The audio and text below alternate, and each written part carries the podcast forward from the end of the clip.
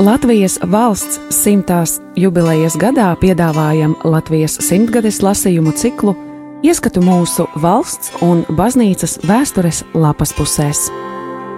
Julians Vaivots Septiņi mēneši Liepājas cietoksnī. No 1944. gada 9. oktobra līdz 1945. gada 9. maijam.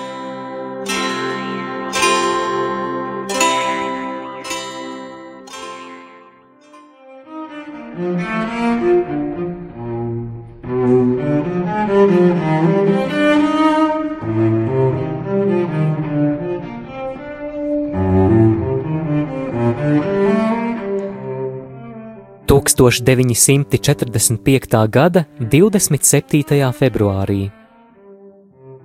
Līdz šim, paldies Dievam, vēl nebija gadījuma, ka svētdien dievkalpojuma laikā būtu bijusi trauksme. Ne jau tāpēc, ka krievi svētdienās mieru vairītos traucēt, bet vienkārši laika apstākļi tam nebija labvēlīgi, un par to tikai Dievam jāpateicas. Līdz šim arī naktis bija mierīgas, Vismaz pēc 11. trauksme nav bijusi. Pagājušā nakts tomēr tika traucēta ar savādiem dobiem šāvieniem, un pa divām reizēm. Pirms 11. vakarā un ap diviem rītā.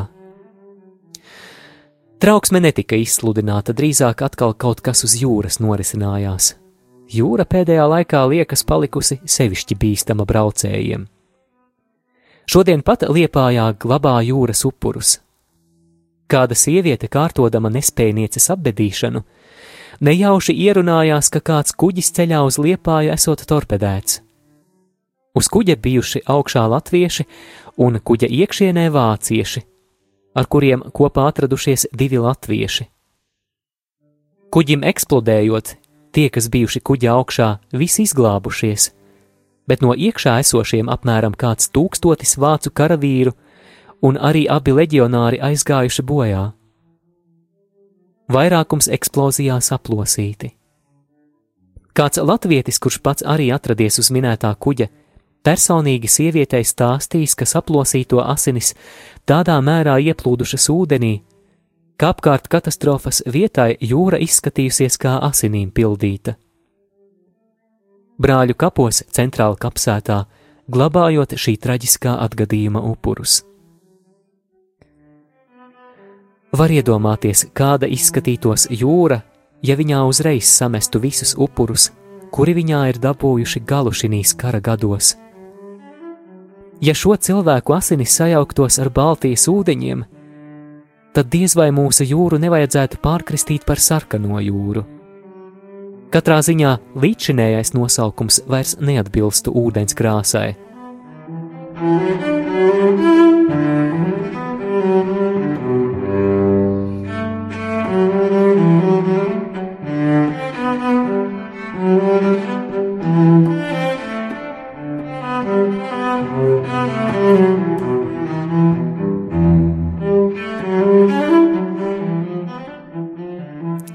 945. gada 28. februārī. Šodien beidzas mēnesis, kurā sievas vismazāk runājot. Lasītājs vaicās, kāpēc?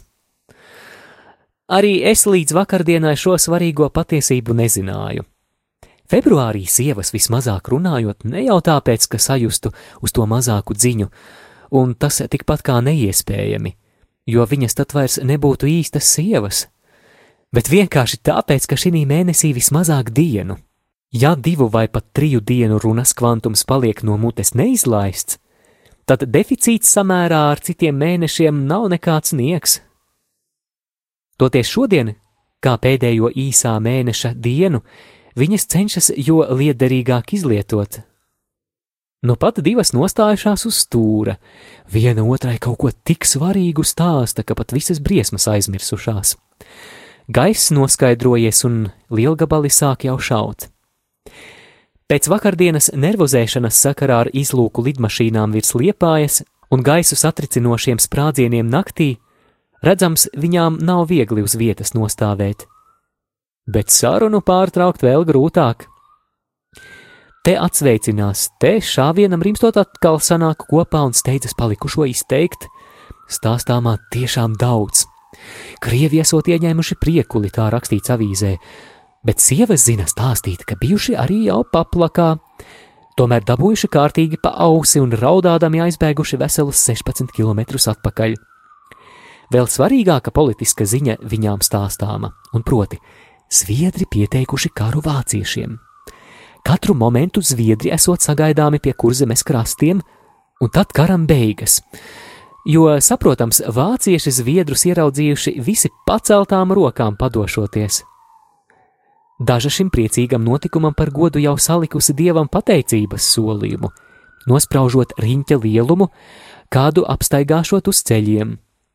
Vissvarīgākā tomēr sarunu viela - atkal trīs jauni ļargas vai denaturāta upuri. Viens bija sevišķi spēcīgs vīrs, vēl dažas dienas cīnījies ar zaļo vēlnu, bet beigās bija spiests padoties un sekošot uz centrālu kapiem, kur divi draugi jau noguldīti.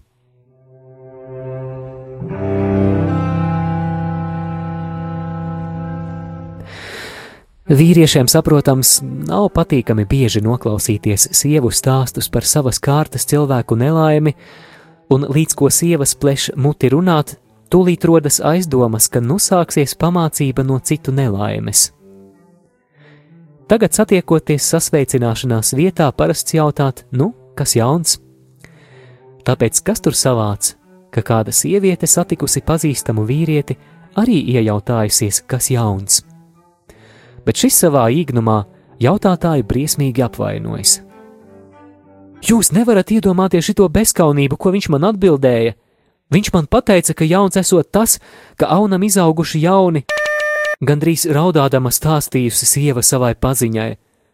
Un kā lai nerauti, ja vīrietis iedrošinās izrunāt pilnu vārdu, kuru sieva var pateikt tikai izlaižot divus burtus?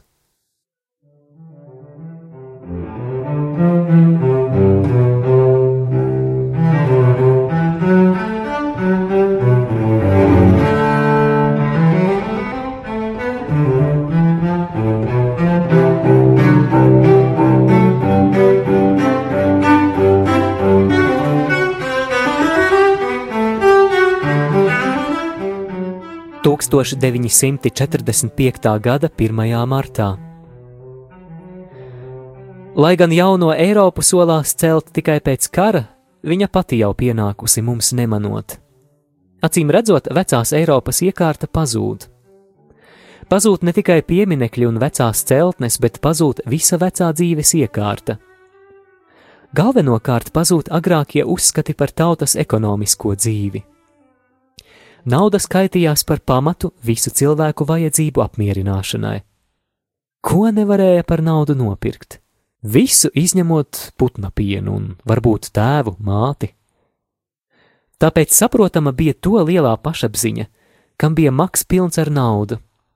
Tāds varēja laisties kaut vai uz Ameriku, sabāzis rokas bikšu kabatās un neņemdams līdzi nekā vairāk kā tikai naudas maku. Citādi ir šodien. Naudas visiem papilnam. Pat desmitgadīgie bērni, kas uz uteņa tirgojas ar pogām vai citiem sīkumiem, cilā kabatas portfeļus pilnus ar 50 marku zīmēm. Bet nabadzība rēgojas visos stūros. Ar naudu cilvēki tagad neskopojas, un visi trūcīgie būtu apgādāti, ja vajadzīgais būtu pērkams par naudu. Simtiem tūkstošu marku īsā laikā apgroza arī tautas palīdzība kurzemē. Bet ar naudu vien šīs dienas trūcīgajiem nav līdzēts. Paši trūkuma cietēji labprāt naudu ziedot citiem, jo par to naudu, kas viņiem ir, neko savam trūkumam nevar līdzēt. Pilsētā vēl par pasakainām cenām šo to var nopirkt, bet uz laukiem un sevišķi frontes tuvumā tagadējā nauda esot pazaudējusi katru vērtību. Kā daži zina stāstīt, frontes markas esot vienkārša papīra vērtībā. Tāpēc sevišķi grūts bēgļu stāvoklis uz laukiem. Viņiem ne tikai nav nekā lieka no mantām, lai apmainītu pret sev nepieciešamām lietām, bet vairākumam trūkst pat ikdienišķo drēbju un apavu. Un kas šodien no bēgļiem ir noplīsis, tam nav nekādas iespējas pie drēbēm vai apaviem tikt. Ja laucinieki vēl kādu drēbes gabalu var ziedot, tad apavus tomēr paši jau sen ir nonēsājuši. Un pirkt pašlaik neko jaunu no apaviem un drēbēm nemaz nav iespējams, jo pilsētā privātiem nav pat attiecīgu veikalu. Vērojams, kā arī tautas palīdzībai nav nekādas iespējas iegādāties kaut ko jaunu no drēbēm un apaviem, jo sen jau tika vākti lietoti gabali un pēc izlabošanas dalīti trūcīgajiem.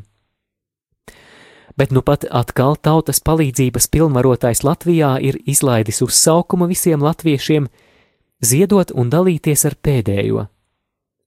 Ja Freivalda kungs tā lūgtu ziedot naudu, īsā laikā palīdzības kasē atkal saplūstu simti tūkstošu marku. Bet ja būtu arī simti miljoni marku, pat mūsu mazā Latvijas stūrīša plikos nevarētu apģērbt. Tas, lūk, vecās Eiropas iedzīvotājiem ir kaut kas pavisam jauns, un tāpēc tiem būs grūti jaunai iekārtai piemēroties.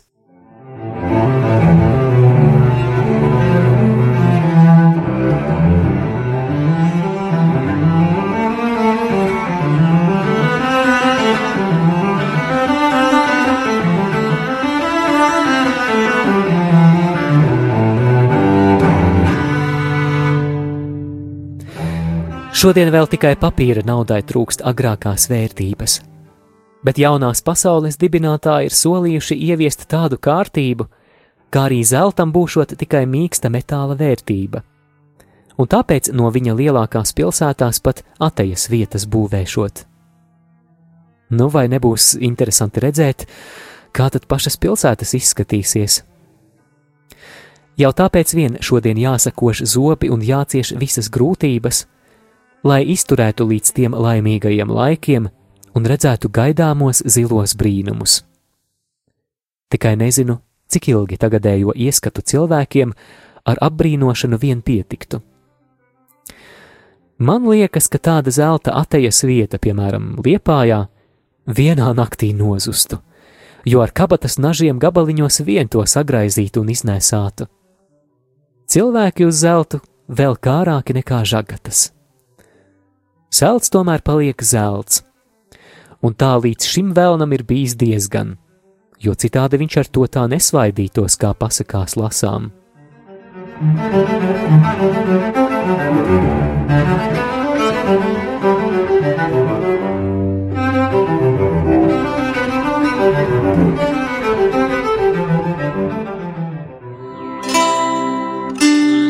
Radio Marija Latvija ēterā Latvijas simtgadēji veltīti lasījumi. Julians Vaivots Septiņi mēneši Liepājas cietoksnī. No 1944. gada 9. oktobra līdz 1945. gada 9. maijam.